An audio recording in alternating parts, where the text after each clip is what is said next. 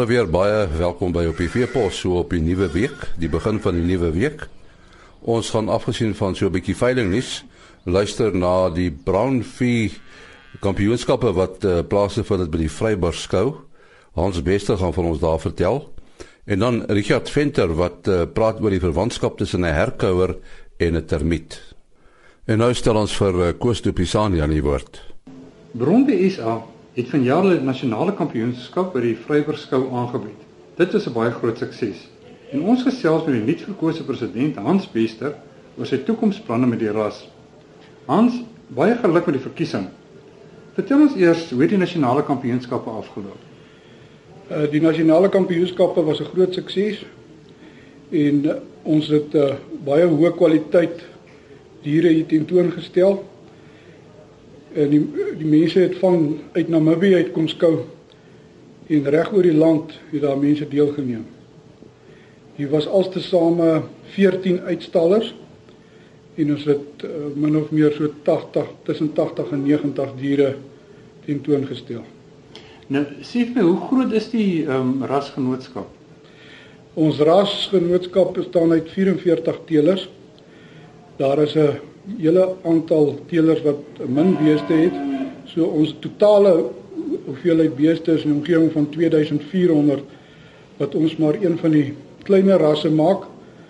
Maar ons het uh, baie planne vir die toekoms met die ras. Nou as 'n nuutverkose uh, president, het jy ook 'n groot taak op wat jy op hande het. Ehm um, wat is jou nuwe planne met die ras? Dis 'n dis 'n moeilike vraag want dit dit is 'n uh, 'n groot taak wat hy moet verrig. So ons wil kyk of ons nie ons tussenkalfperiodes in die ras kan afbring. En in terselfdertyd wil ons kyk of ons nie uh meer data en prestasietoetsing kan deurgee om ons syfers en ons voorspelbaarheid van ons teel hoe einders meer voorspelbaar te maak nie. Nou het julle in die verlede nie baie aan die prestasietoetsings deelgeneem nie. Wat was die rede vir dit? Nee, daar is in die verlede in prestasietoetsing deelgeneem. Uh veral in die fase C toetsklasse het die Brandweer besonder goed presteer die afgelope aantal jare. Maar daar is soos by die produksie aantekeninge was daar was dit nie verpligtend om die 12 maande en speengewigte en 18 maande gewigte uh te verstrek nie of in te gee nie. En ons is besig om daai data saam met skrotum omvang verpligtend te maak. Nou, het julle stem almal al die teelers saam daarmee dat julle die uh data verander? Ek dink die meeste uh, teelers is positief oor die uh nuwe verwikkelinge. Ek dink dit kan net tot voordeel wees van die ras. Nou, wat is die rede dat uh die bronwie so klein ras is? Uh Dit is nou moeilik om te sê hoekom hy klein is. Ek dink uh ons het baie uh steen verloor in die verlede omdat dit 'n dubbeldoelras was en daar dalk te veel op melkeienskappe klem gelê is. So die afgelope paar jaar is die teelers besig om meer vleis by te sit omdat daar nie meer regtig plek is vir 'n dubbeldoelras soos in die verlede waar hulle kalvers groot gemaak het en afgekeur het en gemelk het. In vandag se boerderypraktyke het jy of 'n vleisbeesboerdery of 'n melkboerdery. Wat is die sterkpunte van van van die bronbee? Die bronbee het baie sterkpunte. Eerstens is dit baie goeie moeders. Uh hulle het 'n baie goeie pigmentasie. Uh hulle is lanklewend en hulle is baie koue bestand en terselfdertyd kan jy baie goeie speenkalvers uh speen en die ras het 'n besonderse goeie temperament. Nou, as hulle baie koue bestand is nie van interessantheid, kan hulle die hitte van Suid-Afrika hanteer. Hulle kan die hitte hanteer. Ons het 'n hele paar teelers in die Kalahari en in die Suid-Vrystaat waar daar baie hoë temperature is en hulle is redelik koue bestand omdat hulle uit die oorspronklik uit die koue Alpe in Switserland uh, van van oorsprong is. Dit was uh, Hans Bester en Koos de Pisani het met hom gesels. Nou is dit veiling nuus. Vandag is dit 'n reuse slag en aanteelveiling by Sonop Boerevereniging terrein en op Woensdag die 15de April hou Rewek SA vleismilie stoet van Gerry Miller hulle 10de produksieveiling. 300 SA vleismilie skape kom op die dag in Frankfurt onder die hamer. Op Donderdag 16 April hou Tepelfontein Boerdery by Voorriesburg veiling. Op die dag word 1461 top merino skape te koop aangebied. Op Saterdag die 18de April is dit Woodrow Arlington se 18de produksieveiling. Verskeie Angus en Wagyu beeste word te koop aangebied. Sayama Limousine sou op 17 April 'n produksieveiling OVK CMW bied die veiling aan. Ook op die 18de April is die derde Elite GS Boerbok en Kalahari Red produksieveiling by Sabrina Estate te Pretoria Vleis Sentraal bied die veiling aan. Op Woensdag die 15de April hou Arcadia Bonsmara van Arthur de Villiers hulle 23ste Bonsmara produksieveiling. Dit vind plaas op die plaas Arcadia Vrede, Vleis Sentraal by die veiling aan. Op 16 April hou Borino Boerdery hulle 10de produksieveiling te Wolwokop, te Wetsdorp. Bonsmara koeie en merino oeye kom die dag onder die hamer. Van Def en Jan Zel Beefmasters se 5de gesamentlike produksieveiling is Woensdag die 15de April op Lichtenburg skougronde. Andrei Kok en seun hanteer die veiling. Op die 17de April is daar 'n Santa veldbeestelers produksieveiling. Uh, dit is by Vleisentraal Krale in Biermansdrift. Bostrom Bonsmara hou op Vrydag 17 April by Leidenburg hulle veiling.